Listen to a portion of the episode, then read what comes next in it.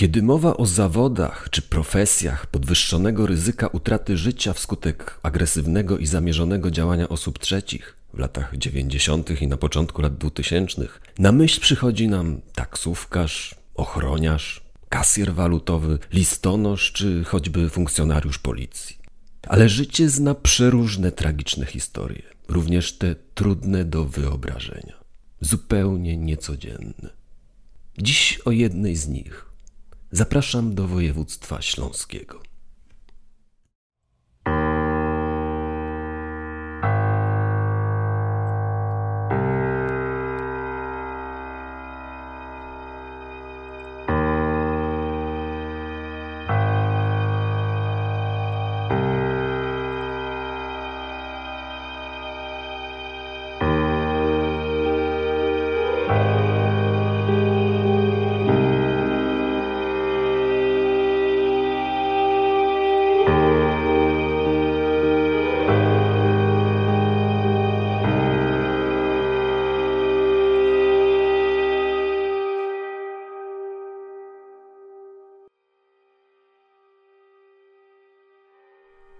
Jest rok 2000.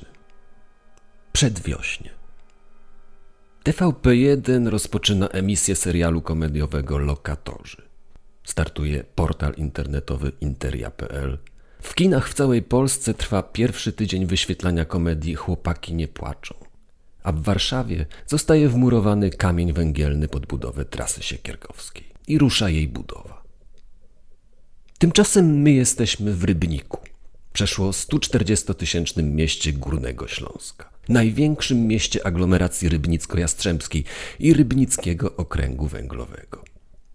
Nazwa miasta pochodzi z czasów przedindustrialnych, kiedy to miejscowa ludność utrzymywała się głównie z rybactwa.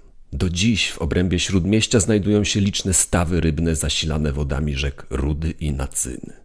A na jednym z takich stawów na przełomie XIII i XIV wieku wytyczony został miejski rynek, obecny w tym miejscu po dziś dzień. I zapewne niewielu, nawet miejscowych, wie, że kiedyś w tym miejscu był staw i łowiono ryby. Wielu natomiast, szczególnie zmotoryzowanych, którzy choć raz mieli okazję przejeżdżać przez rybnik, wie, że miasto to słynie z rąd, ich ilości, ale i oryginalnego zagospodarowania. Możemy na nich znaleźć witrażowe drzewo, kaktusy, kolorowe kule czy inne instalacje i zmyślne rzeźby. Są niewątpliwą wizytówką miasta i chlubą rybniczą. Ale w Rybniku znajdują się też zacne zabytki, jak na przykład Bazylika Mniejsza, strzelista świątynia neogotycka wzniesiona w pierwszych latach XX wieku, najwyższa świątynia na Górnym Śląsku. Średniowieczny zamek książęcy z pierwszej połowy XIII wieku, obecnie siedziba sądu rejonowego. Klasycystyczny ratusz z wieżą zegarową czy gmach starostwa powiatowego jako przykład renesansu niemieckiego. Jako ciekawostkę dodam, że Rybnik to także miasto rodzinne rapera i producenta muzycznego Grupsona, Tomasza Iwancy, a także na przykład Jerzego Dudka, bodaj najbardziej utalentowanego bramkarza reprezentacji Polski reprezentującego również barwy Liverpoolu i królewskiego Realu Madryt, a w interesującym nas czasie Feyenoordu Rotterdam. Tu, w mieście tych powszechnie znanych postaci, w Rybniku, w dzielnicy Smolna na osiedlu Kilińskiego, mieszka rodzina Matusików, małżeństwo Danuta i Witold wraz z czterema synami.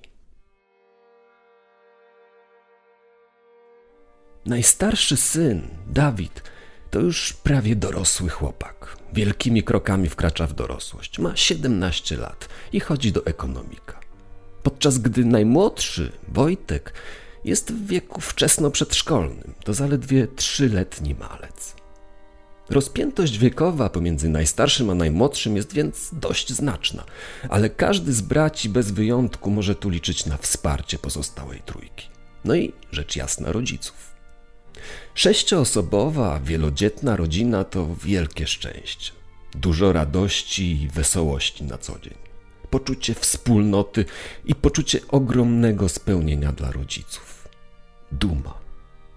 Ale wielodzietna rodzina, nie da się ukryć, to też zwielokrotnienie trosk, codziennych problemów i potrzeb. Trzech z czterech chłopaków to nastolatkowie. Poza wspomnianym już Dawidem, również Adam i Gabryś mają odpowiednio 16 i 13 lat.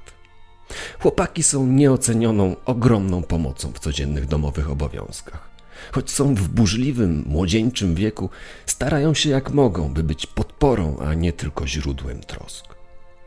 Ale zaspokajanie coraz większych potrzeb finansowych to już oczywiście obowiązek spoczywający na rodzicach. I w istocie skutecznie ten obowiązek spełniają. Oboje. Bo i pani Danuta dwa lata temu, tuż po urlopie macierzyńskim, by wspomóc męża i systematycznie zasilać domowy budżet, podjęła pracę w charakterze sprzątaczki w zespole szkół zawodowych przy ulicy Świętego Maksymiliana, w dzielnicy Rybnicka Kuźnia. 39-latka jest obowiązkową i sumiennie wykonującą swoje obowiązki pracownicą.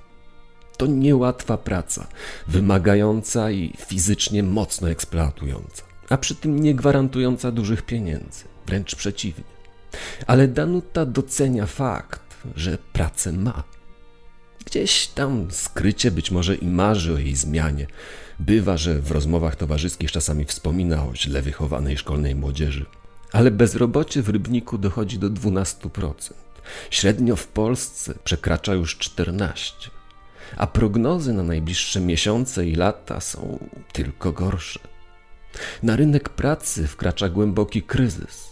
Trudno więc nie cieszyć się z faktu możliwości wykonywania stałej pracy i otrzymywania za nią co miesiąc wynagrodzenia. I z takiego też założenia wychodzi Danuta. Nie narzeka bynajmniej, a wręcz charakteryzuje się wysokim zapałem do pracy, chęcią wykazania się i pokazania niejako, że zatrudnienie właśnie jej było świetną decyzją przełożonych i na pewno nigdy ich nie zawiedzie. Do pracy ma około 15 minut miejskim autobusem, plus 10 minut piechotką. I niezmiennie z werwą i zaangażowaniem we wszystkie dni robocze roku szkolnego w godzinach od 12 do 20 rzetelnie wykonuje swoje obowiązki. Jest 2 marca 2000 roku. Czwartek. Za oknem bardzo delikatny opad śniegu, który to śnieg po zetknięciu z podłożem momentalnie znika. Jeden, góra dwa stopnie na plusie. Chłopcy po porannej krzątaninie wychodzą do szkoły, a Wojtka Danuta odprowadza do przedszkola, bardzo niedaleko. Ma do niego dosłownie 500 metrów. Około godziny 10.30, po kilku dniach spędzonych w szpitalu i drobnym zabiegu tamże, wraca do domu pan Witold. Jest lekko osłabiony, jak to po zabiegu, acz oczywiście nie na tyle, aby wymagał bieżącej opieki i kontroli. Potrzebuje dziś jedynie spokojnej regeneracji. Chwilę po godzinie 11, aby nie spóźnić się do pracy, Danuta wychodzi na autobus. Mija 10 godzin. W domu Matusików zupełnie standardowo. No, może poza jednym niuansem polegającym na tym, że pomimo iż to dzień roboczy, pan Witold, powróciwszy ze szpitala, spędził go w całości w domu. Ale zbliża się godzina 22. Wojtuś już dawno śpi. Pozostali chłopcy też już właściwie gotowi do snu, a tymczasem wciąż nie ma Danuty. Skończyła pracę już prawie dwie godziny temu. Zwyczajowo o tej porze już od przeszło godziny jest w domu. Dość już zaniepokojony nieobecnością żony Witold, postanawia zatelefonować do koleżanki żony, z którą ta pracuje, a mieszka w bloku niedaleko. Chce się dowiedzieć, czy ona już wróciła. Nikt jednak nie podnosi słuchawki.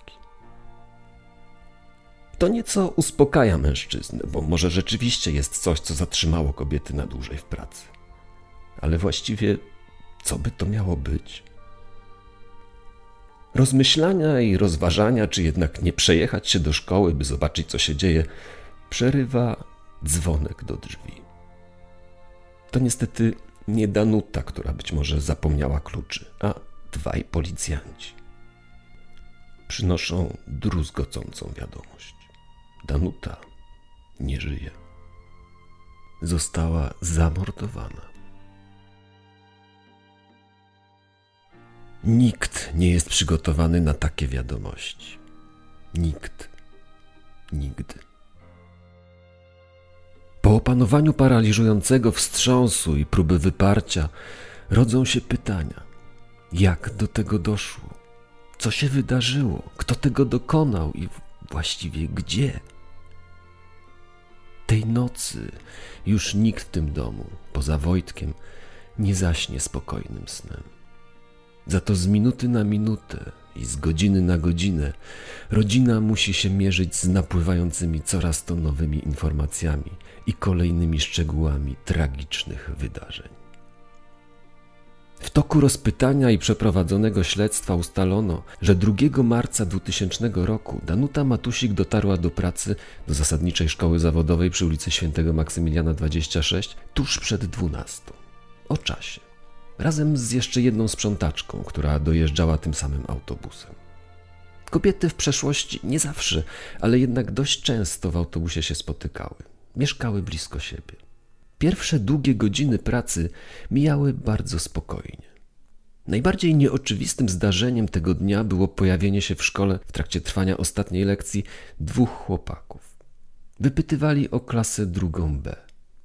Ale kiedy usłyszeli odpowiedź, że klasa druga już dawno skończyła swoje lekcje, posłusznie opuścili szkołę. Ostatni dzwonek tego dnia zabrzmiał o godzinie 18.45. Zasygnalizował on wówczas koniec ostatniej lekcji klasy trzeciej C. Na zewnątrz zaczął sypać gęsty śnieg, a temperatura spadła już delikatnie poniżej zera. Już dziesięć minut po zakończeniu ostatniej lekcji w szkole pozostały tylko trzy panie sprzątające, które dopiero teraz mogły zająć się ostatnimi użytkowanymi pomieszczeniami i ciągiem komunikacyjnym, a także jedna z uczennic, czekająca jeszcze na chłopaka, który miał po nią przyjechać samochodem. Stało się to około 19.15. W mroku łatwiej było usłyszeć niż dostrzec, że był to Fiat 126P. Maluch. Dziewczyna do niego wsiadła, zatrzasnęła za sobą drzwi i samochód odjechał. Danuta w tym czasie kończyła już sprzątać salę, w której odbywała się ostatnia lekcja. Umyła jeszcze podłogę, odstawiła sprzęt pomocniczy i zeszła do portierni. Stamtąd zabrała dwa duże worki ze śmieciami z całego dnia i wyszła na zewnątrz wyrzucić je do kontenera. Jest kilka minut przed dwudziestą.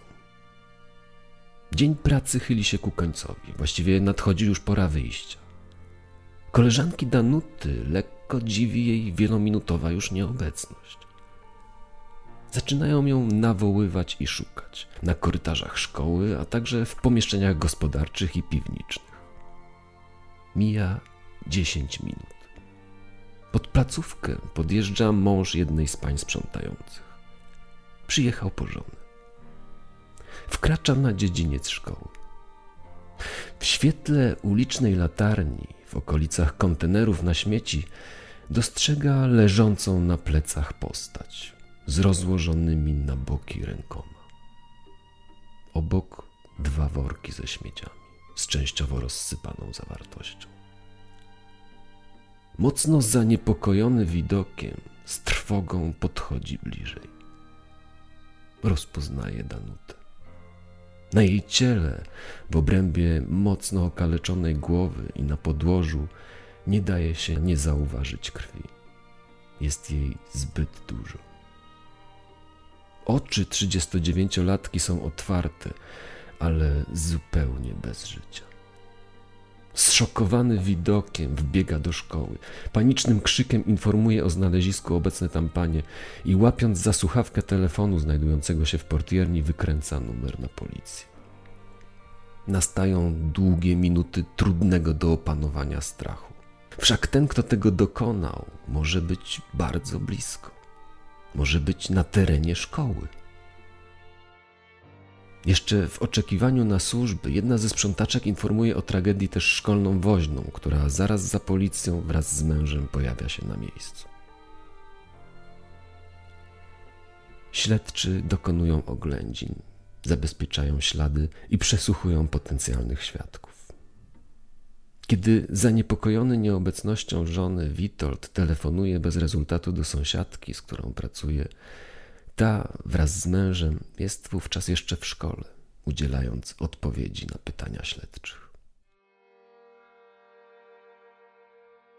W kolejnym kroku śledczy przesłuchują również jego, a także innych pracowników szkoły, wszystkich uczniów klasy trzeciej C, którzy najdłużej tego dnia mieli lekcje, oraz okolicznych mieszkańców ulicy Świętego Maksymiliana i właścicieli lokali tamże. Organizują również anonimową ankietę dla uczniów zawodówki. Nazajutrz po zbrodni, kiedy wieść o morderstwie zaczęła się roznosić, w miejscu tragicznych zdarzeń, na chodniku przy ogrodzeniu zasadniczej szkoły zawodowej, mieszkańcy zaczęli składać kwiaty i zapalać znicze. Tymczasem śledczy nie ustają w swoich działaniach. Ustalają, że dziewczyna, która feralnego dnia najdłużej została po lekcjach w szkole, czekała na chłopaka, ponieważ obawiała się o swoje bezpieczeństwo. W okolicy szkoły zaczepiana była przez dwóch chłopaków. Inny świadek zeznaje, że około godziny 20 tego dnia do jego lokalu, znajdującego się w niedużej odległości od szkoły, wszedł młody chłopak tylko po to, aby umyć sobie ręce. Na tej podstawie powstał portret pamięciowy potencjalnego domniemanego sprawcy. To młody chłopak o dość charakterystycznych długich blond włosach do ramion. Wizerunek opublikowano w lokalnych mediach. W międzyczasie dociera raport z sekcji zwłok. Sekcja ujawnia na ciele Danuty Matusik 48 ran kłutych o głębokości od 5 do 40 mm. Złamany nos, pęknięte kości jarzmowe, ranę kłutą kości skroniowej. Narzędziem zbrodni był nieustalony przyrząd określony jako śrubokręt lub inny metalowy pręt. Jako bezpośrednią przyczynę śmierci anatomopatolog określa rozległe obrażenia twarzo i mózgoczaszki oraz włamania kości powodujące uszkodzenie mózgu. 28 kwietnia, w piątek, niemal dwa miesiące po zbrodni, ciągle niewyjaśnionej zbrodni, zostaje zorganizowany w Rybniku Czarny Marsz w proteście przeciwko przemocy. Marsz zorganizowali sami uczniowie zawodówki. Rozesłali apel do innych rybnickich szkół o przyłączenie się do tej formy protestu. Z aprobatą odpowiedziały niemal wszystkie. Tego dnia przed południem młodzież zaczęła gromadzić się przed rybnicką bazyliką, szkoła za szkołą, by punktualnie o dwunastej ruszyć na miejski rynek, pod miejski urząd. Tysiąc głównie młodych ludzi z czarnymi kwiatami w dłoniach, różami i transparentami. Precz z przemocą, nie będziemy bierni czy bezpieczna szkoła. Na czele marszu nie brakuje oczywiście rodziny Matusików, Witolda z najmłodszym synem na rękach i pozostałych synów.